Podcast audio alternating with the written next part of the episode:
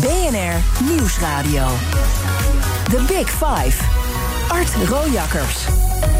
Goedemorgen, fijn dat je luistert naar BNR's Big Five. Taal is een machtig middel. Daar kunnen onze leiders over meepraten. Over ieder woordje in verkiezingsprogramma's en coronapersconferenties wordt nagedacht.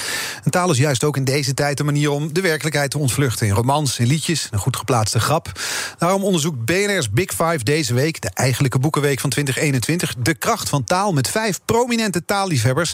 En vandaag is dat met schrijver en theatermaker Paulien Cornelissen. Goedemorgen. Goedemorgen. Ik moet meteen bekennen, het begon met jou deze week. Nou, Dat artikel in de Volkskrant dat je een paar Ja. weken geleden schreef over dat fenomeen. Ja, ja waar Ja. we het echt uitgebreid over gaan hebben.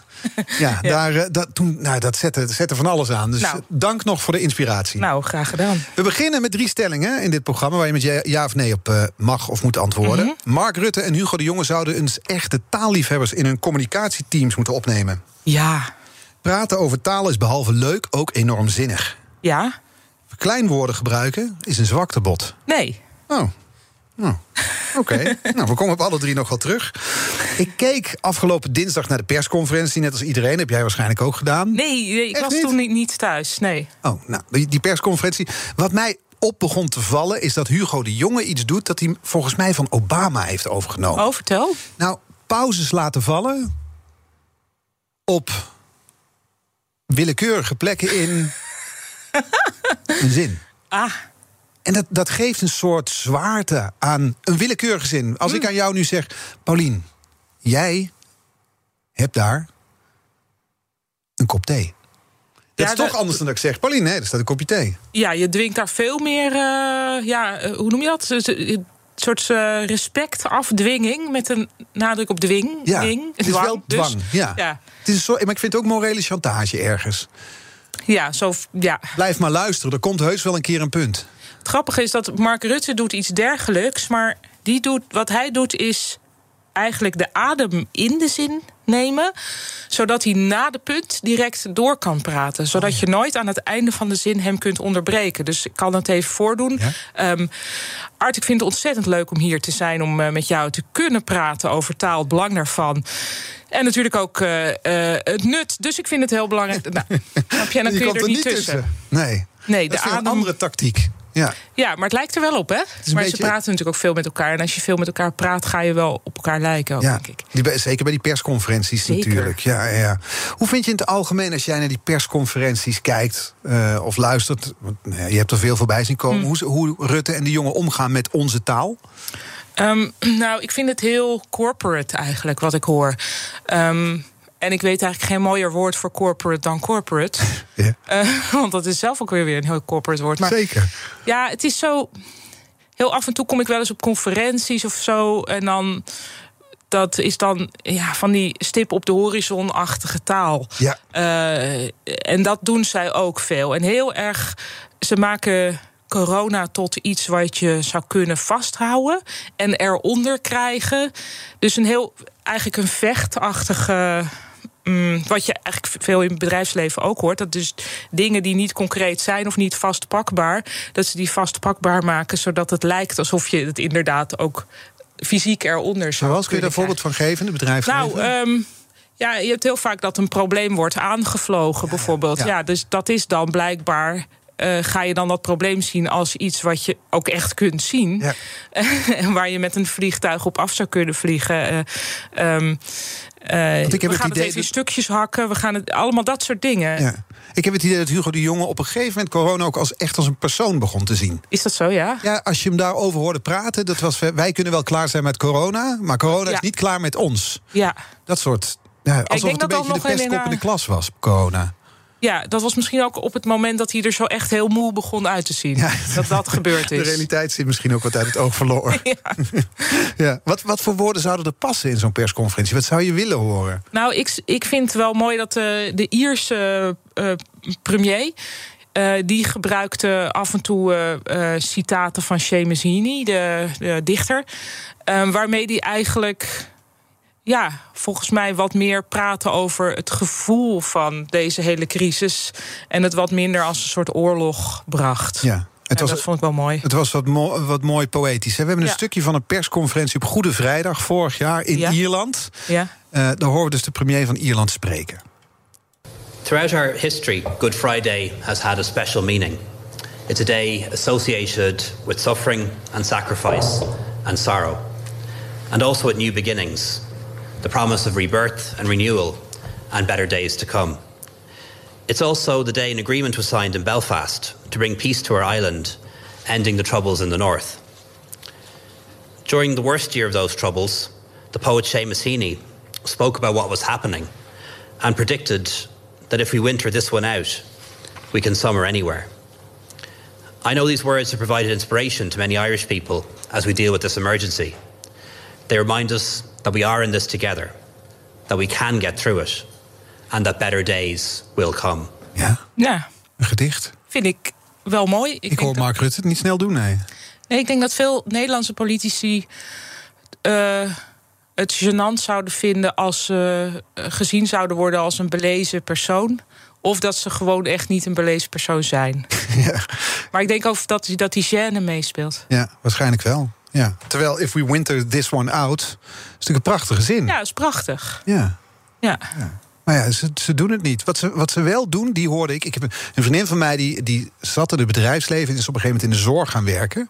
Binnen een jaar veranderde haar taalgebruik met name op één punt. Zij gebruikte bijna in elke zin met elkaar. Oh, echt? Dat hoor je ook voortdurend op persconferenties. Dus Ja. als zij dan. la- Laten we hier met elkaar even over praten. Want volgens Ja. mij is het belangrijk om met elkaar te bepalen waar we met elkaar samen straks Ja. gaan eten. Wat zullen we dan met elkaar gaan doen? Ja. In plaats van wat zullen we dan gaan doen, waar eigenlijk met elkaar ook al in zit. Precies. Maar het is een soort groepsgevoel. eh Ja, misschien werkt dat ook wel enigszins. Dat je dus niet, en zeker vanuit de overheid, dat je niet, het, dat je niet de indruk wil wekken van wij bedenken hier alles en jullie moeten doen wat wij zeggen. En het is in verband met corona natuurlijk ook zo dat, dat er nogal veel verwacht wordt van de mensen. Dus dat is wel met elkaar, Ja. I guess. Maar ehm, ja, ik zou het zelf niet zo snel zeggen, denk ik. Welke dichtregels had je willen horen op een persconferentie? Eh, Heb je ja, wel eens over nagedacht? Daar heb ik wel eens over nagedacht. En ik weet niet, ik, ik denk dat heel veel Nederlandse poëzie ook wel iets gedeprimeerder is van toon dan bijvoorbeeld Seamus Heaney Mhm. eh, doet. Dus als je denkt aan Bloem of zo, eh, altijd november, altijd regen, altijd dit lege hart, altijd. Ik weet niet of je daar de mensen. Heel erg maar ik had wel bij die coronapandemie doorheen. Gezet. Nou ja, het, heeft wel een soort realiteitszin misschien. Eh, ik had een eh, gedicht van eh Riekes Waskowski. Wat ik heel, dat is heel kort, zal ik het even voordragen? Het heet Reisopdracht. En als je weggaat, regen, er dreigt regen. Storm blaast zand over de wegen. Men moet zijn ogen beschermen. Angstige vogels zwermen boven het land. De lucht is zwart. Zeg, lam- zeg langzaam, ik hou van regen, ik hou van storm. Ik ben niet bang. Mooi. Ja. The Big Five. BNR Nieuwsradio. Art Rojakkers. Fijn dat je luistert naar BNR's Big Five. Deze week misschien wel de vijf grootste taalliefhebbers van Nederland. Ze spraken met Wim Daniels, Frits Spits en Galit Maroeg. En eh, die gesprekken zijn terug te luisteren in de BNR-app. En vandaag de gastschrijver en theatermaker Paulien Cornelissen. Ja, dat artikel in de Volkskrant een paar weken geleden. Je schreef een fantastisch artikel over een eh, geweldig en ook specifiek thema. De Ja. ingeademde... Ja, Ja. en nou ja, net als heel veel mensen die dat, denk ik, eh, lazen... die reactie ongetwijfeld kregen, dacht ik... ja, ik ken iemand die dat doet. Ja. Wil je zeggen wie dat in jouw omgeving is? Iemand met wie ik werk. En, en die gebruikt het om... Het is een man. Ja? En hij gebruikt het om heel instemmend eh, op voorstellen te reageren. Dus ik dan zeg, misschien Ja. moeten we dit doen. Ja, ja. Ook voor dat- het einde van de zin al. Is het iemand van boven de 50? Rond de 50. Rond de 50, ik denk ja. net boven de 50, ja. Ja, het is een interessant fenomeen. Het wordt door verschillende mensen verschillend geïnterpreteerd. Dus zoals jij zegt, het instemmen. Ja, ja. Dus heel empathisch eigenlijk. Er zijn ook mensen die zien het meer als... ehm, Oké, volgend onderwerp graag. Dus ja, en dan van, we zijn nu uitgepraat Het is klaar met nu. jou. Het is klaar nu. Ik werd gisteren nog op straat aangesproken door een jongen die, die zei: Ja, ik, ik ken dit, ik weet wat het is. Het is dus echt eh, bedoeld om ja, onderwerpen af te kappen, om jou af te kappen. En die zag het als een manier om hoorbaar in te ademen: van ik ben nu degene die gaat praten. Dus ja, En een en nu nemen. komt mijn idee. En hij eh, constateerde ook dat het veel meer voorkwam nu tijdens Zoom-meetings. Omdat je daarmee elkaar niet aan kunt kijken via Oh, een ja. scherm. En dat er dus veel meer eh, ja, auditief non-verbaal wordt gecommuniceerd. Maar bij Zoom heb je ook dat die schermen, als je dus voor de mensen die vaak zoomen, Ja. degene die geluid maakt, dan wordt het scherm vaak groter van Ja. als je met meerdere mensen in een Zoom zit. Dus dit is misschien wel. Ja, is een beeld. manier om het beeld gewoon- om groot in beeld te te komen. ja. Dat zou best wel eens kunnen. Maar het begon bij jou, je, je had een ander beeld van die ja. Het was een, een, een- ik zeg nu ja, maar het is ja. Wat- Ik dacht, eh, ik, ik voelde het altijd als heel empathisch. En ik had zo in mijn eerste eh, te- cabaretvoorstelling had ik een, een stukje over waar ik dan vertelde van. Dat het, ik associeerde het erg met vrouwen in paarse gewaarden, gewaden en soort houten vilten kettingen om. Paarse? Ja, en dan zo, ja, ja, ja. Die de hele tijd als je aan het praten bent, dat er doorheen zegt, ja, ja, ja, met ogen dicht. En dan op de uitadem zo, tuurlijk, tuurlijk, tuurlijk. Ja.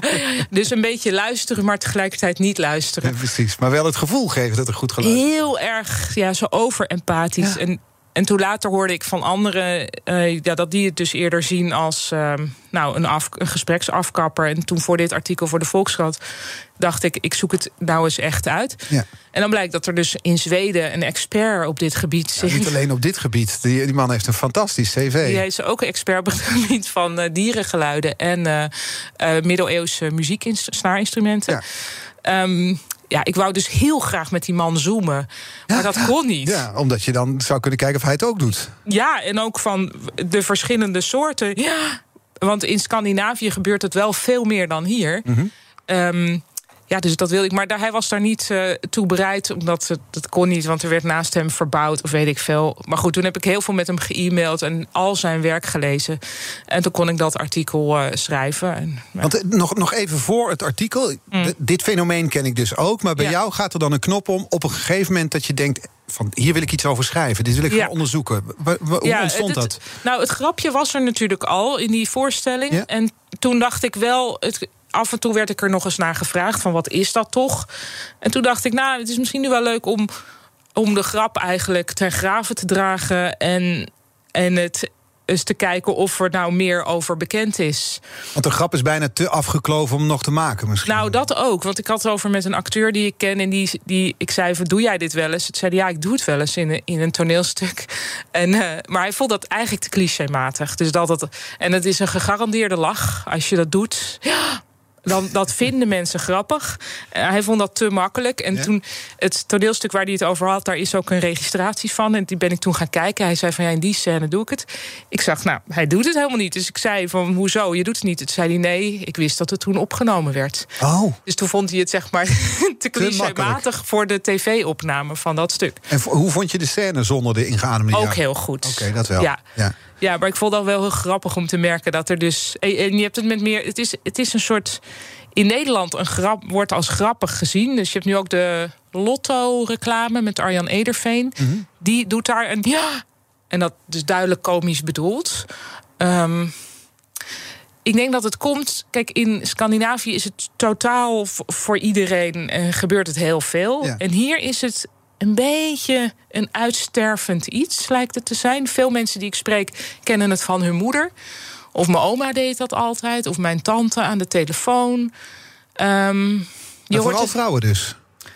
nou, ook dat is dus dat is eigenlijk gek. Want in Zweden dachten ze dat het vooral van vrouwen was. Toen is, dat, is daar echt onderzoek naar gedaan. Bleek niet zo te zijn. En eigenlijk zoals jouw collega is dus een man. Ja. Dus het is misschien ook iets wat je op de een of andere manier meer associeert met vrouwen. Omdat die eh, over het algemeen meer doen aan iets wat heet backchanneling. Backchanneling. Backchanneling Ja. is eh, wat jij nu doet. Zo, ja, Ja, hm, door, praat hm, maar door. ja. Ik snap je. Ja, ja, ja, ja. Inderdaad, je mag er Mhm, zijn. mhm, Praat maar door. Die dingen, die hummetjes. En dan wordt er gedacht dat ja, dat dat daar ook bij Dat is hoort. de ultieme backchanneling. Ja, en toen heeft dus die Zweedse deskundige, die heet Robert Eklund, heeft, vind ik, echt een fantastisch onderzoek gedaan. Die heeft mensen een reis laten boeken, telefonisch, bij een computer of bij een mens. Maar dat, die computer was niet echt een computer. Dus hij zei alleen tegen ze: Dit is een computerstem. En dat is een echt mens. Of dus tegen de ene groep zei hij: je, je, je belt met een computer. Nou, dan blijkt dat als je belt met een computer, wat, wat je denkt dat een computer is, dat je dan nog steeds aan het backchannelen bent. Dus ja, hm, hm, dat. Maar dat, ja, dat viel helemaal weg. Dat doen we niet tegen computers. Ja, de Zweden dus in ieder geval niet. Ehm, tegen een mens deden ze dat wel. En daaruit kun je dus eigenlijk concluderen dat het, ja, dat, dat niet hoort bij het gewone backchanneling. Nee. En toen bleek ook dat mensen dat vaker doen ja, in uh, same-sex gesprekken. Dus mannen onder mannen, vrouwen onder vrouwen. Waaruit die Eklund, en ik weet niet of die conclusie helemaal klopt, maar uh, die concludeert dat, het, dat er een soort gevoel van intimiteit moet zijn om dat te gaan doen. Je moet het durven, eigenlijk. Ja, of een je soort. Moet het, de, moet, je moet je veilig genoeg voelen. Ja, de in-group. Ja. Ja. En, en uh, dan, dan schrijf je zo'n artikel. Je komt uiteindelijk in Zweden uit om, om antwoorden te vinden. Ja. Niet, niet, helaas niet echt. Ik kon er niet voor naar Zweden. Nee, nee ja, en niet eens via, via Zoom dus. Er nee, werd gemaild. Nee. Ben je, ben je tevreden? Over het artikel. Nee, en over de antwoorden die je gevonden hebt. Want dit fenomeen heb je onderzocht. Ja, nou, ik heb, altijd, ik heb heel uh, echt, ik denk wel, nou, twintig taalkundigen in Nederland gesproken hierover. Omdat ik eigenlijk wilde ja, hoe, wilde weten hoe zit het in Nederland. Maar er is heel weinig onderzoek naar gedaan. Wat is geen taal? Nou, dat is dus wat bleek. Dus er is een heel groot, uh, dat heet het Corpus Gesproken Nederlands. Een soort heel grote verzameling van audiofiles van gesproken Nederlands. Dus daar zou dit gesprek ook in kunnen zitten. Um, en dat is door mensen uitgetypt, helemaal. Met alle uitspraak erbij. Met alle eus helemaal van, Met alle eus. Echter, Nederlandse transcribenten, zoals die mensen dan heten, die het moeten uittypen, die krijgen geleerd: alles wat ingeademd wordt, dat is geen taal. En daar sprak ik een uh, Vlaamse hoogleraar over, die ook zei: ja.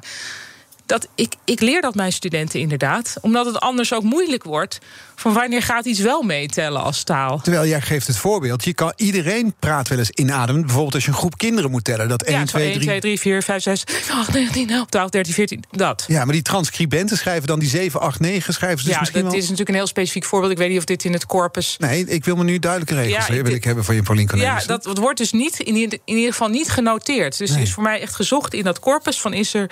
Er is een bepaalde notatie namelijk... Uh, voor inademend spreken. En dat zit in dat corpus niet. Konden ze er niet uithalen. Nee.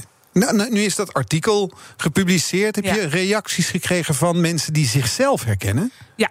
Er zijn mensen die zeggen: uh, ja, mijn moeder deed het vroeger, nu doe ik het zelf. Dus die dat die dat eigenlijk grappig vonden bij hun moeder en dat nu zelf zijn gaan doen. Dat vind ik heel Zoals ik, opmerkelijk. ik, ik betrapte me er laatst op dat ik met mijn handen op mijn rug begin te lopen. Zoals oh, mijn vader. Echt waar? Ja, oh. zover is het nu. ja, leuk. Maar dat, dat is, dus Zoiets, dit fenomeen ja. springt over eigenlijk toch op generaties. Ja, hoewel ik het dat bij mezelf... Ik ken het ook van, uh, van oudere familieleden uh, die, die dat doen. En ik doe het zelf niet. Maar ik ben er natuurlijk ook over bewust van. Mm -hmm. um, dus dat vind ik interessant. Ik hoor veel van mensen die het plaatsen in de noordelijke provincies, Friesland. Uh, en het grappige is dat er is maar één uh, onderzoek naar gedaan ooit in Nederland uh, door meneer Sipma in Friesland in 1949, als ik het goed heb. Um, die een hele lijst had van woorden die ingeademd worden gesproken. En dit, dit vind ik dus ook iets heel interessants dat dat het in Noorden dus meer misschien lijkt voor te komen. En dat geldt voor Scandinavië ook. Want in Zweden noemen ze het ook de Noorlandse stofzuiger. De Noorlandse stofzuiger? Ja. ja. En, en, jij hebt daar jij hebt een eigen theorie ontwikkeld daarom. Ja, dit is dus. Ja, maar ik dacht dus, het is toch wel opmerkelijk dat dat hoe noordelijker je komt, hoe meer het voor schijnt te komen. Er is ook een kaartje gepubliceerd van alle landen waarin ademend wordt gesproken. En het komt eigenlijk op heel veel plekken wel voor. Uh, Noord-Japan, op een paar plekken in Afrika ook, maar voor de rest toch heel erg overrepresentatie in de noordelijke Arctische gebieden. Dus toen vroeg ik aan die, um, aan die Eklund in Zweden: van ja, zou het kunnen zijn dat het iets met koude lucht te maken heeft? Dat je eigenlijk, als het heel koud is en je ademt in door je neus, dan bevriest de binnenkant van je neus een beetje. Ja. Heb ik al het gevoel. Dus misschien dat je dan eigenlijk liever je inadem zo doet. Dus het is een beetje verwarmd eigenlijk. Ja, ik, ja, ik bedoel, het is toch vreemd dat het zo geografisch bepaald is. Ja. En hij vond dat heel erg van ja, haha. Maar ja, aan de andere kant, ik heb wel gelijk dat het zo is, dat ja. het daar meer gebeurt. En toen kreeg ik meteen ook een mailtje van een taalkundige, vond ik heel leuk. Die zei: Ja, zo gek vind ik die theorie niet, want. Um, toontalen. Toontalen? Dat zijn zoals Chinees, dus mm. dat zijn talen waarin de toonhoogte de betekenis van een woord bepaalt. Dus dat het anders is als je zegt ma of ma of ma. Um, dat soort uh, talen komen veel meer uh, in warme gebieden voor, rond de Evenaar. Mm.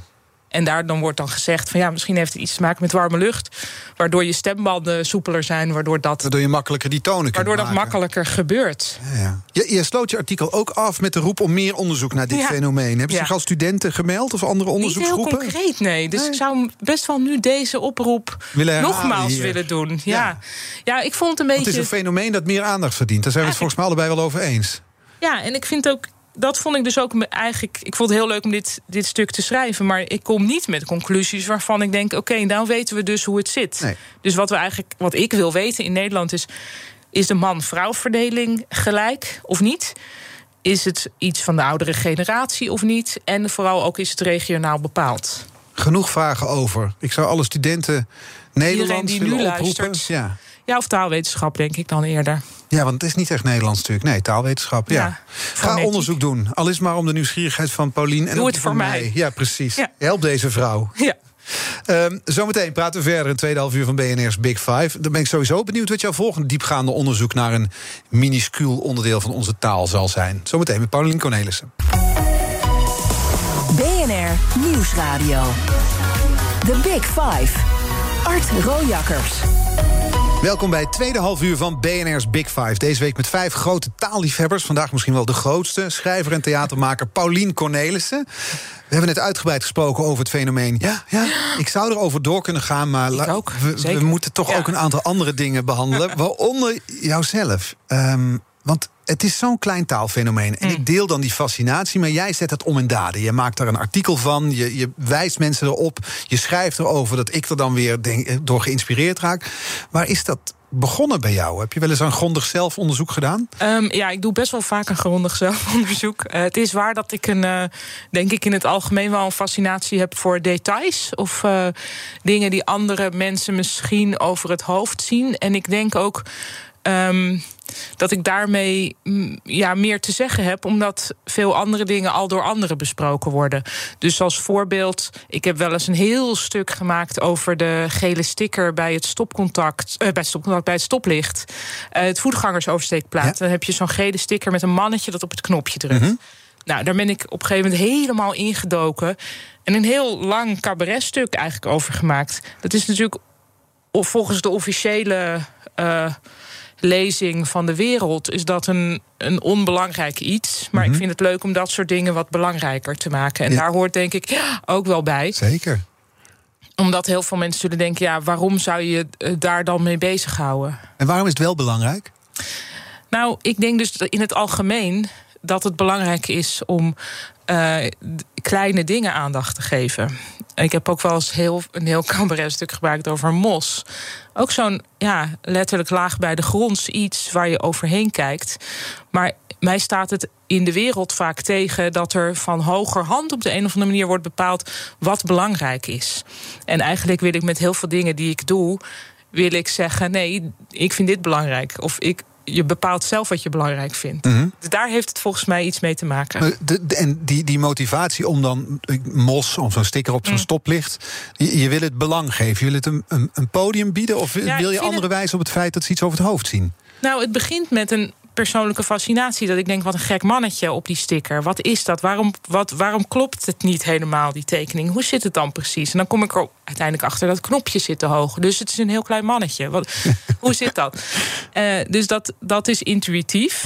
Maar ik denk voor mij de reden om daar dan ook om daar dan echt iets eh, over te maken, heeft dus te maken met hoezo eh, zou cabaret eigenlijk alleen maar mogen gaan over ja, Sociale misstanden. Ja, Wat de premier nu weer heeft gedaan. precies. Nee, ik wil het hebben over dat gele mannetje bij het stoplicht. Dus ik, het, ik denk dat het een soort milde vorm van ehm, subversiviteit is. Ik weet niet wat het laatste betekent. Oh ja, een soort eh, eh, tegenstand bieden. ja. ja. Op een, op een onopgemerkte manier. Nou ja, het is verre van onopgemerkt. Je bent volgens mij de best, een van de best verkochte schrijvers van ons land. Je voorstellingen doen het eh, zeker Ja. niet onaardig. Nee, we hebben nu corona. Ja, ja. Dus ik denk dat het voor veel mensen misschien wel een vorm van herkenning is ergens. Dat hoor ik ook heel vaak. Van, oh ja, of, of dat mensen er zelf al over na hebben gedacht... of dat ze er niet over na hebben gedacht... maar dat ze het fijn vinden om er eens over na te denken. Dat er iemand voor hen over dat heeft gedaan of zo, ja, dat denk ik. En wat betreft taal, denk ik, dat is al helemaal iets wat we natuurlijk allemaal gebruiken. Dus daar hebben we ook wel allemaal een soort mening over, al zijn we ons niet altijd bewust van. Nee, want dat was een van die stellingen in het begin. Praten over taal is behalve leuk ook enorm zinnig. Ja, dat vind ik heel erg zinnig, ja. Uh, ik denk dat taal veel te vaak wordt gebruikt als machtsmiddel. Dus dat het heel zinnig is om te bedenken waar eigenlijk de normativiteit over taal vandaan komt. En hoe bedoel je, het wordt gebruikt als machtsmiddel? Nou, um, bijvoorbeeld, als er heel erg de nadruk wordt gelegd op dit is mooi Nederlands of dit is hoe je Nederlands wordt te spreken. Daarmee uh, schakel je hele delen van Nederland eigenlijk uit. Um, wat ik bijvoorbeeld heel jammer vind, is dat er op een gegeven moment besloten is uh, dat er in veel meer woorden een tussen-N is geplaatst, zoals in pannenkoek. Mm -hmm. Niet omdat ik vind dat, dat, nooit, dat de spelling nooit mag veranderen, maar omdat er over het hoofd wordt gezien dat in het oosten van het land al die N'en wel worden uitgesproken. Dus Vroeger was het zo van ja, ach, je hoort het verschil toch niet tussen pannenkoek en pannenkoek. Maar in het oosten wel. Dus eigenlijk eh, kijk je dan helemaal daaroverheen. Dus hebben de mensen in het oosten zijn nu gedwongen pannenkoek te zeggen, bedoel je? Min of meer wel. Ja. En dat vind ik, vind ik raar. En ik vind natuurlijk ook. Kijk, wij spreken alle twee nu best wel wat dan ABN heet. Maar ik vind ja, ik vind eigenlijk het hele, de hele term ABN vind ik heel vreselijk. Omdat dat natuurlijk gewoon gebaseerd is op uh, ja, hoe er gesproken wordt in de Randstad. En waarom is dat dan belangrijker dan hoe gesproken wordt in Twente of Groningen of Limburg? Dat heeft echt te maken met ja, macht van weleer, waar het geld zat. En dat vind ik jammer. Ik weet wel, als kind inderdaad, als Brabants jongetje... dan keek ik wel naar Kinderen voor Kinderen. Daar, daar voelde ik me op geen enkele manier mee verwant. Nee, dat, dat is toch jammer. Want jij, ik neem aan dat jij als jongetje wel een beetje het showbiz-gen had. Uiteraard, daarom sta ik nu bij BNR Nieuwsradio. Ja. Te presenteren. Precies. Ja, dat vind ik dus heel jammer. Dat er allerlei getalenteerde kinderen zijn die anders praten dan, uh, dan in het gooi gebeurt. Die daardoor denken, oh, dat is niet voor mij. Nee. Het, het, zit hem niet alleen dus in de taal, in de, in, de, in de uitspraak. Het zit hem dus ook die ingeademde ja. Het zit hem ook in allerlei fenomenen eigenlijk. Hoe, het gaat uiteindelijk over communicatie. Het gaat, ja. jou, jou viel ook iets op de um die mensen gebruiken soms. Een treinomroeper ja, of een telefoongesprek. Ja, dus, er zijn er twee verschillende volgens mij. In de trein hoor je heel vaak uh, volgende halte uh, Lelystad. of uh, Naarden. Dus dan is er een soort uh die het is niet een nadenkende uh, van ik weet even niet welk station het is. is nonchalant is het. Uh, Lelystad.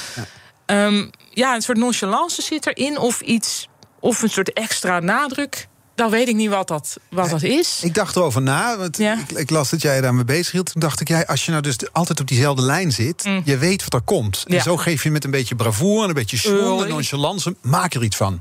Ja, Terwijl eigenlijk zou je, stel dat ja, je zou dan ook als persoonlijke sport kunnen zien, als omroeper van. Om het nou eens gewoon echt helemaal clean te zeggen: van de volgende halte Lelystad.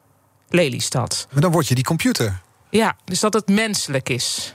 Waar dat ze ook altijd zeggen, dames en heren, jongens en meisjes ook. Ja, ja. ja. ja dat zal het zijn. Ja. Maar we komen weer exact op tijd aan op uh, station Eindhoven. Uh, station Eindhoven, station Eindhoven. Ook in een soort golfbeweging. Ja. En dat uh, is wel weer een beetje gerelateerd aan de telefoon. Um, gewoonte van sommige mensen om dag te zeggen. Oh ja.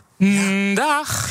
Ja. Hoezo? Ik, ik, dat, en dit is dus iets waarvan ik niet, nog niet weet wat nee. ik hiervan maar hoe het komt, ja, weet ik, weet ook niet. wat ik ervan moet vinden. Dag. Ik vind het wel een beetje gek, ja. eigenlijk. Ja. maar dit is iets waarvan ik denk, ja, als ik daar. Dit zal nu wel een tijd in mijn hoofd blijven rondspoken. En als ik daar uiteindelijk iets over verzin, waarvan ik denk, oh, hier zou het mee te maken kunnen hebben. Of hier, dit vind ik grappig om erover te zeggen, dan, dan, dan, dan maak ik daar iets over. Ja. Maar dat een dag wordt op een gegeven moment ook misschien een beetje ironisch gebruikt. Zoals you ook. Ja, you. Ja, you is een heel erg vanuit de ironie geboren. Inmiddels alweer gewoon, omdat mensen weer vergeten zijn dat het ironisch was. Ja.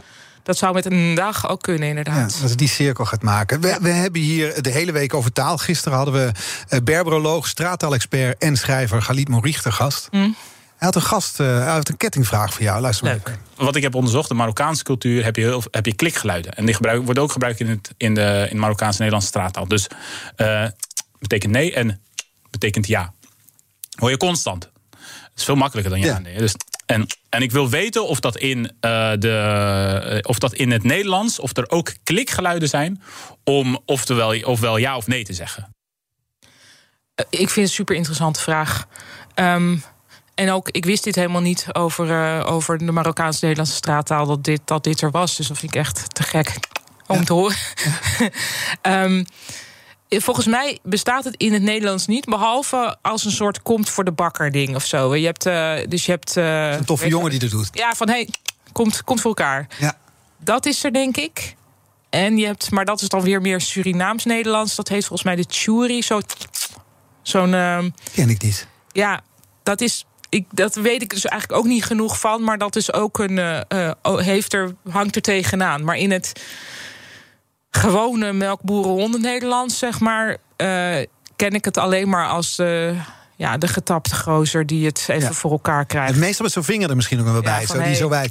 En, en een knipoog misschien ja, ook. Die ook inderdaad. Ja. ja. Terwijl die die, ja. dat, is, dat, dat pikken wij niet hoor. Ik heb, ooit, nee. ik heb ooit een poosje in Spanje gewoond, een Spaanse les gehad. En dan deed een juf, als ik iets verkeerd uitspraak, deed zo tegen mij. Oh, ah, ik kon er wel dat, achter het behang plakken. Dat is inderdaad heel irritant, ja. Denigerend vond ik. Ja. Terwijl dat, dat hoort daar, in die Ja. taal hoort dat erbij. Ja, Dat ja. ja, oh, ja, dit lijkt me ook heel vervelend. Ja. Die, die, we hadden het net over de trein. En we, dit soort observaties doe je op straat natuurlijk. Als je mensen hoort, ziet.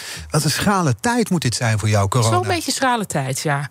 Maar gelukkig is er de radio. Ah, engelenkoor.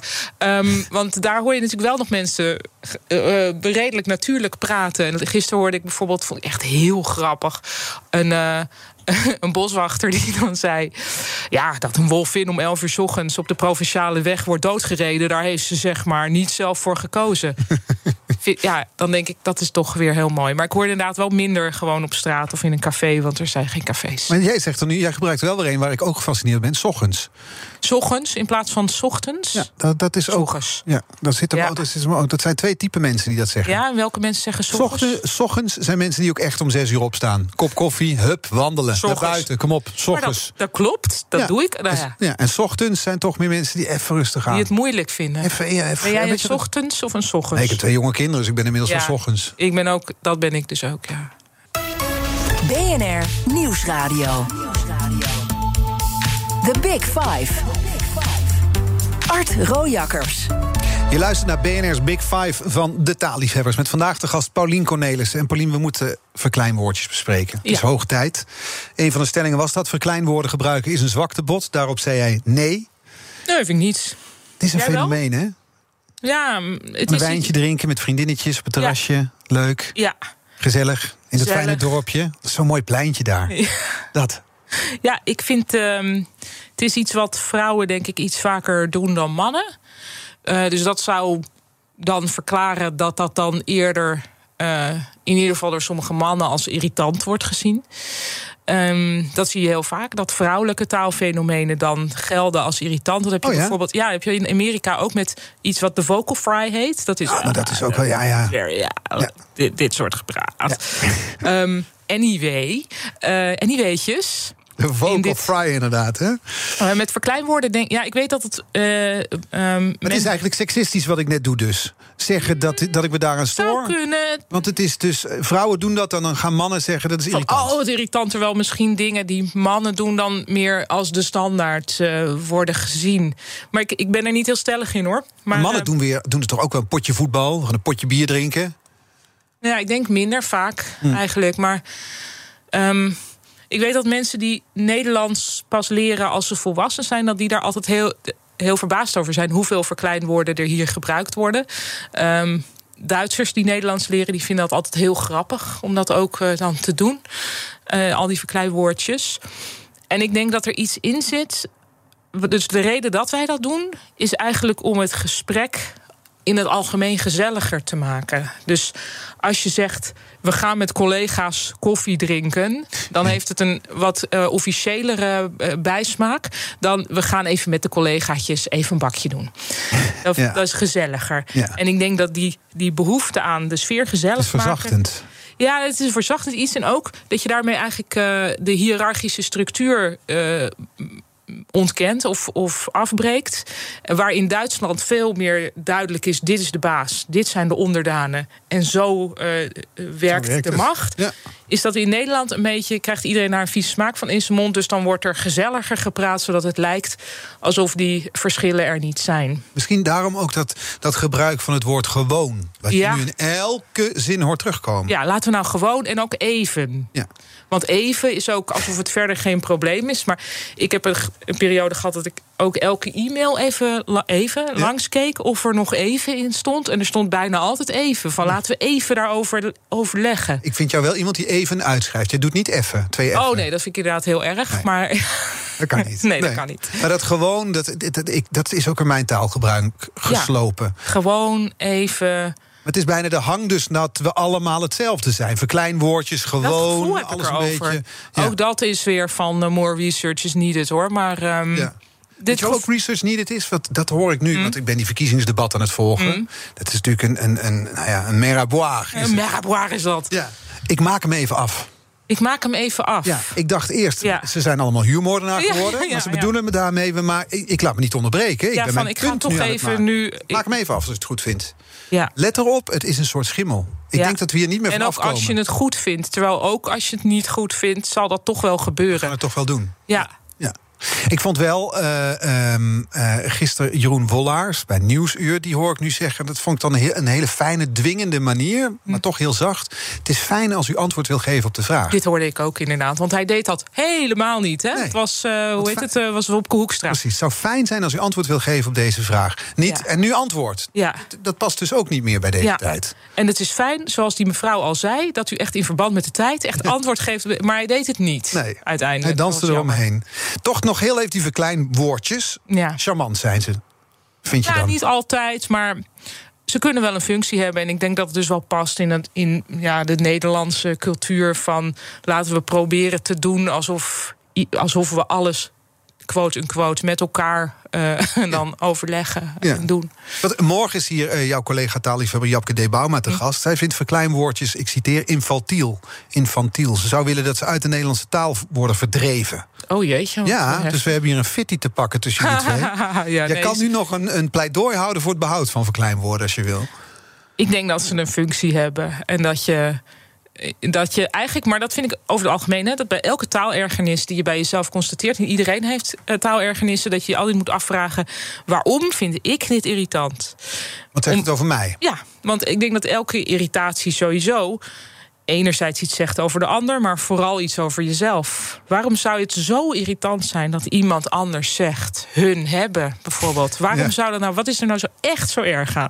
Ja, omdat ik het anders geleerd heb. Nou ja, en daar zit dan dus je innerlijke schooljuf, is daar blijkbaar bezig. En dan- ik denk dat dat bij mensen die zich ontzettend erger aan verkleinwoorden, dat die misschien ook nog wel ergens de stem van een juf of meester hebben van, oh, dat hoor je niet te doen.